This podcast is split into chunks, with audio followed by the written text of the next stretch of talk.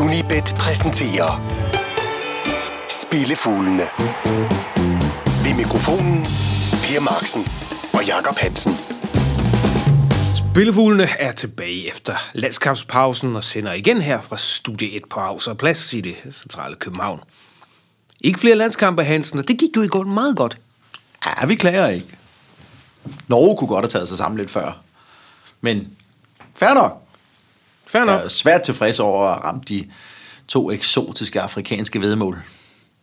Skal holde, øh, du skal holde lidt mere styr på, øh, på øh, næste gang, der er flere kvalkampe til African Cup of Nations. Det kan jeg love dig. Jeg mener, de vender tilbage til marts, så er vi også på banen. Og kun én, altså så en eklatant fejl, fordi vi havde, vi havde, vi, vi, vi havde forhåbninger til lille Malta, det gik knap så godt. Øh, nej, det havde Malta åbenbart ikke selv. De tabte 5-0 til Kosovo. Hvor vi havde sat sig på en højst knepen, knepen nederlag. Ja, det bød det så ikke. Nej, slut. Men øh, Men som vi har været inde på masser af gange, skal man bumme, så skal man den onde lyd med bumme med maner. Præcis. Frem for sådan en fesen øh, overtidsscoring. ja. Men ikke desto mindre med tre ramte, et push og to forbi, så noterer vi altså et overskud for øh, landskampsrunden. For anden uge træk. Ja. Uh! Og øh, så kan vi jo springe direkte ud i ugens program, som endnu en gang viser kærligheden til garderingsspil, fordi øh, det var nok det, der hjalp os i sidste uge. I særdeleshed i den her uge, det spil, der går under navnet Draw No Bet, altså indsatsen retur, hvis kampen ender uafgjort. Måske belært af sidste uge sådan øh, relativ landskampssucces, så er der kun specialspil på øh, programmet i den her uge.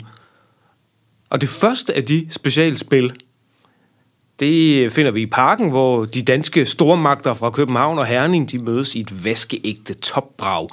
Begge hold har 35 point, og dermed solid afstand på 10 point ned til øh, Esbjerg på tredjepladsen. Spillet er simpelt. Vi skal bare have begge mandskaber på tavlen, og Hansen vil nu fortælle, hvorfor at det er overordentligt sandsynligt, at det kommer til at ske. Jeg tror simpelthen ikke, at nogen af parterne formår at holde den anden part for scoring. Slet og ret. Jeg tror, at begges offensiver er stærkere end defensiverne. Jeg ved godt, at FC Midtjylland for nylig besejrede FCK i 2-0 i pokalturneringen, men jeg regner med at se et, et FCK-hold i en anden opstilling, og også en anden forfatning, end de var i den kamp. Den lå øh, skidt placeret den ind imellem to andre meget hårde kampe. FCK har scoret i alle hjemmekampe i suppen i den her sæson. De seneste seks Superliga-kampe ind i parken scorede de mindst to gange hver gang. Til gengæld så har de altså også kun holdt nullet i to af deres seneste 14 hjemmekampe i parken i Superligaen. Det vidste du garanteret ikke, Per, at det Nej, det er nyt, det er nyt for mig. Ja. Det er nyt for mig. Og i 11 af de 14 var der gevinst ved spillet. Begge hold scorer.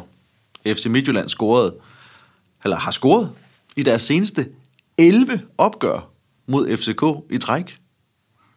De har scoret mod FCK 11 kampe i træk. De seneste syv gange scorede de mindst to mål. De scorede mindst to mål i deres seneste syv kampe i det hele taget. Så deres offensiv har ikke opdaget, at de har skiftet træner. Måske endda tværtimod. og så, nu er, sagde du jo, at det er en topkamp, og så nogen kan jo af og til fuse ud. Men du sagde også, at de har et gevaldigt forspring. 10 point ned til nærmeste forfølger. Det kunne godt tillade dem simpelthen bare give den gas, frem for at det fuser ud. Ja, det regner du jo med, fordi du har sikret dig billet til den kamp, ikke? Det har jeg. Jo, den vil jeg meget gerne ind sige ja. Jo.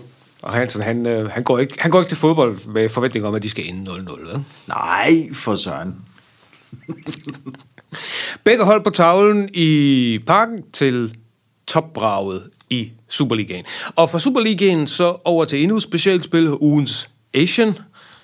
Og det dedikerede Asian-spil, det finder vi i Tyskland. Ja. Nogen vil muligvis betegne den her kamp som endnu et af de der tyske plastikos mellem to relativt historisk løse klubber. Men øh, det er under alle omstændigheder en slagudveksling mellem to velpolstrede firmahold, når VW-koncernen de tager imod Red Bull Wolfsburg mod RB Leipzig. En kamp, hvor vi tror, at det giver lidt mere at hælde øh, koffeindrik i tanken end diesel. Ja. Øh, Jeg synes, der er et meget fristende odds på RB Leipzig på øh, gæsterne. Vi spiller det Asian Handicap, der hedder minus 0,25 på RB Leipzig. Så får vi i talende stund odds 1,95, hvis Leipzig vinder, og det halve indskud retur, hvis kampen slutter uafgjort. Wolfsburg har 12 point, og Leipzig har 22, og der er stensikker den 10 points forskel mindst på de to hold i øjeblikket. RB er uden nederlag siden sæsonens første spilledag, hvor de tabte på udebane til Dortmund. Det har vist sig ikke at være en kæmpe overraskelse, og hverken at tabe til Dortmund eller at tabe på udebane mod Dortmund i den her sæson. De har spillet 1-1 på udebane mod Frankfurt. De vandt 2-1 hos Hoffenheim, som er to af de andre formstærkeste hold i ligaen. De vandt stensikre 3-0 hos Hertha i Berlin. Og her i parentes bemærket, at Hertha Berlin har altså i den her sæson nappet 4 point af 6 mulige mod Bayern München og Dortmund. 3-0 til RB Leipzig igen i den kamp. De har desuden holdt buret rent i fem ligakampe i træk. Hvis det var Dortmund eller Bayern, som kom til Wolfsburg med sådan en stime her, så ville man kigge meget langt efter det odds, som er udbudt på RB i øjeblikket. Wolfsburg vandt sæsonens første to kampe, men har siden kun besejret Düsseldorf. Det var på udebane. De har ikke holdt nullet i otte hjemmekampe i træk. Mens altså som sagt, RB har holdt nullet i deres fem kampe i træk. Dortmund vandt 1-0 i Wolfsburg, Bayern vandt 4-1, Freiburg vandt 3-1, Hertha Berlin og Gladbach scorede begge to to mål, da de var på besøg i Wolfsburg. Der er således rigt belæg for at tro, at RB kommer på tavlen. Og så skal Wolfsburg altså score to gange, hvis vi skal tabe det her vedmål helt. Det tvivler jeg meget på, at de kan mod RB Leipzigs forsvar i øjeblikket. Og Timo Werner, han kommer fra en scoring på, på landsholdet og har været brandvarm for klubholdet. Og Josef Poulsen kommer også i fin form. Josef Poulsen. Yep. Så fint odds, synes jeg, på RB Leipzig. Som har flere strenge at spille på, fornemmer man, at de har også en bredere og mere homogen trup, ja. end vores spor har. Det har de også, ja. ja. Og ingen spillere gik, øh, som jeg kunne se, i stykker. Heller ikke øh, ifølge de oplysninger, jeg kunne finde frem til. Så et fornuftigt odds, altså minus 0,25 på Nation på øh, en udsejr. Næsten odds 2 på øh, Leipzig nede i øh, Bundesliga. Nemlig. Og for Asian-spillet, så tager vi ud på vores vanlige rundtur. Spillefuglene fra Unibet.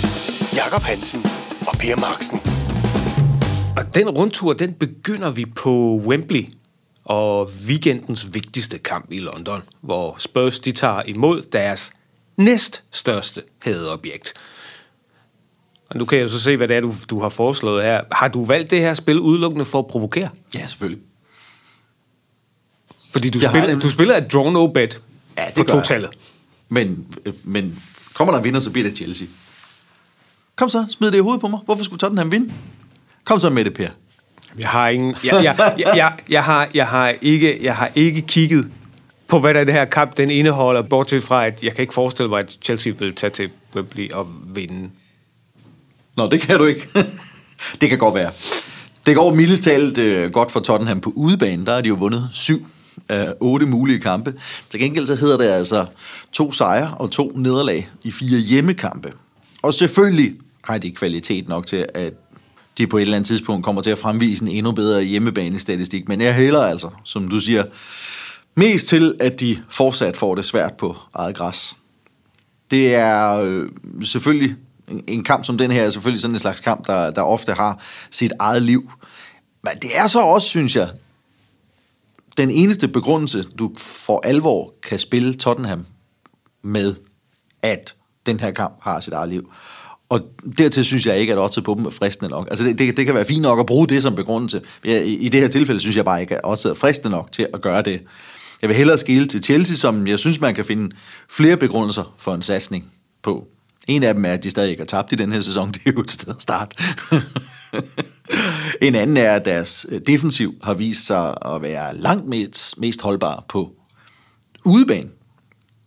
Syv af de otte mål, de har indkasseret i Premier League i den her sæson, var på hjemmebane på Stamford Bridge. Altså kun én scoring imod på udebane. Det er kun Newcastle, som i en hjemmekamp i Premier League har præsteret at score mod Chelsea.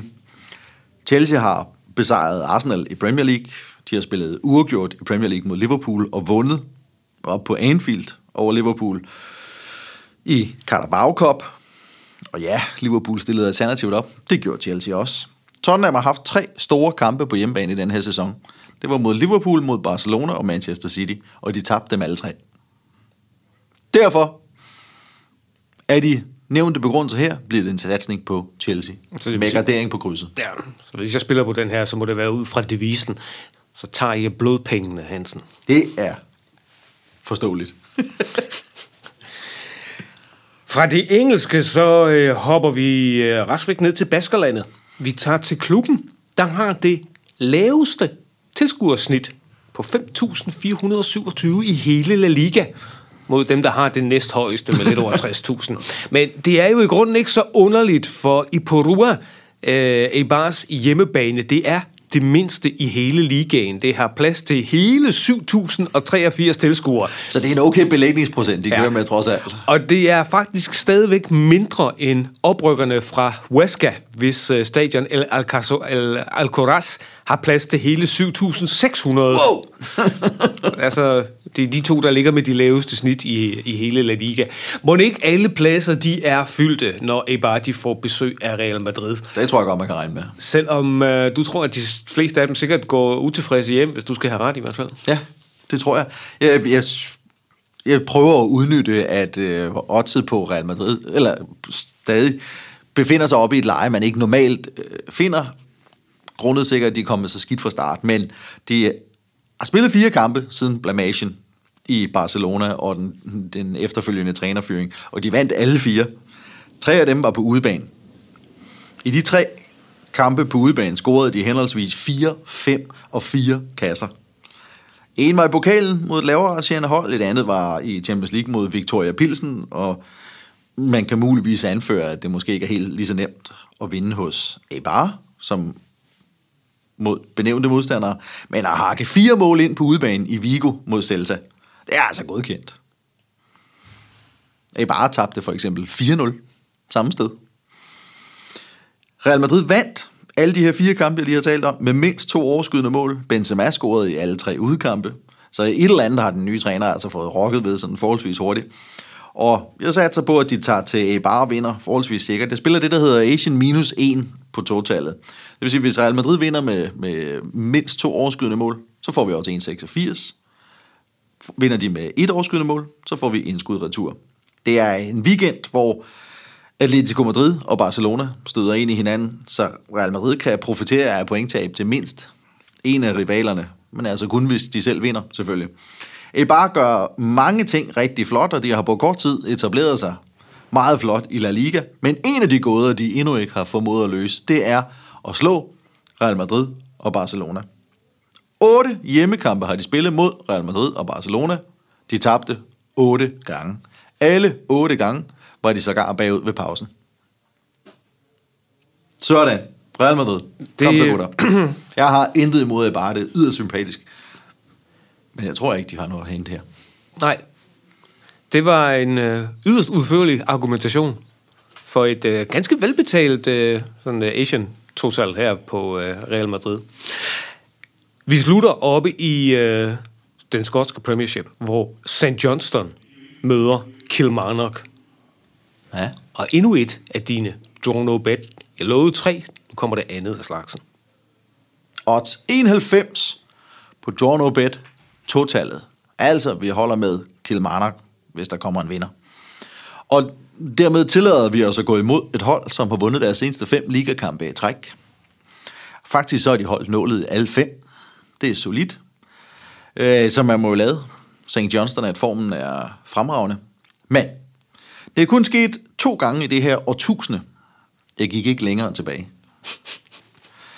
det her årtusinde, at de har præsteret at vinde fem ligakampe i træk. Første gang var i 2012, anden gang i 2014, så det er altså ikke hverdagskost, vi har med at gøre. Begge gange tabte de, da de så havde muligheden for at gøre det til seks i træk. Det er ikke ens betydende med, at det sker her, men det er en del af begrundelsen. Det er ganske enkelt et særsyn, at et hold som øh, af St. Johnstons kaliber vinder så mange ligakampe i træk. Og en anden del af begrundelsen er, at de møder et utroligt solidt hold. Der er ingen, der var ingen af St. Johnstons fem førnævnte sejre, som kom mod klubber, der ligger i øh, top 6, den bedste halvdel af den skotske øh, Premier League lige nu. Det gør Kilmarnock, de indtager fjerdepladsen, og de har vist sig at være en umådelig hård nød at knække. De har kun tabt en af deres seneste 10 udkampe. I denne her sæson har de spillet 0-0 hos Celtic, de vandt 2-0 hos Aberdeen, de spillede 1-1 hos Rangers, og så har de lige besejret Hearts med 1-0. Det er udkampe mod top 4. Og ja, Kili, som man også kalder dem deroppe. De vandt de seneste tre kampe mod St. Johnston, og de har vundet deres seneste fire besøg i Perth. Vi tager højde for krydset, fordi vi er forsigtigt anlagt, Per. Ja, fordi vi er i garderingsmode, Ja. som vi fik også annonceret. Og fordi, at selv på Draw No Bet giver totallet flot dividende ved gevinst, efter min mening. 91 Ja. på Donorbet på totallet, og pengene retur ved kampen, som øh, så ender uafgjort. Du, i øvrigt, øh, i dag, i de her politisk korrekte tider, der har hjemmeholdet for St. Johnston en politisk korrekt trøjesponsor, nemlig affaldssorteringskoncernen Bin Group. Men der var en gang, eller faktisk var der to omgange, hvor klubben havde et, måske for dig mere velkendt navn, siddende på brystkassen. Et, jeg ved, at du i hvert fald vil påskynde. Kan du gætte, hvem der var trøjesponsor i øh, St. Johnston fra 86 til 89, og igen fra 91 til 98? Åh, En af de hårde her, ikke? oh, det var en af de hårde. Vi er i Skotland, ikke?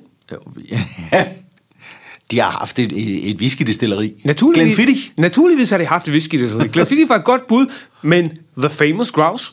The famous grouse.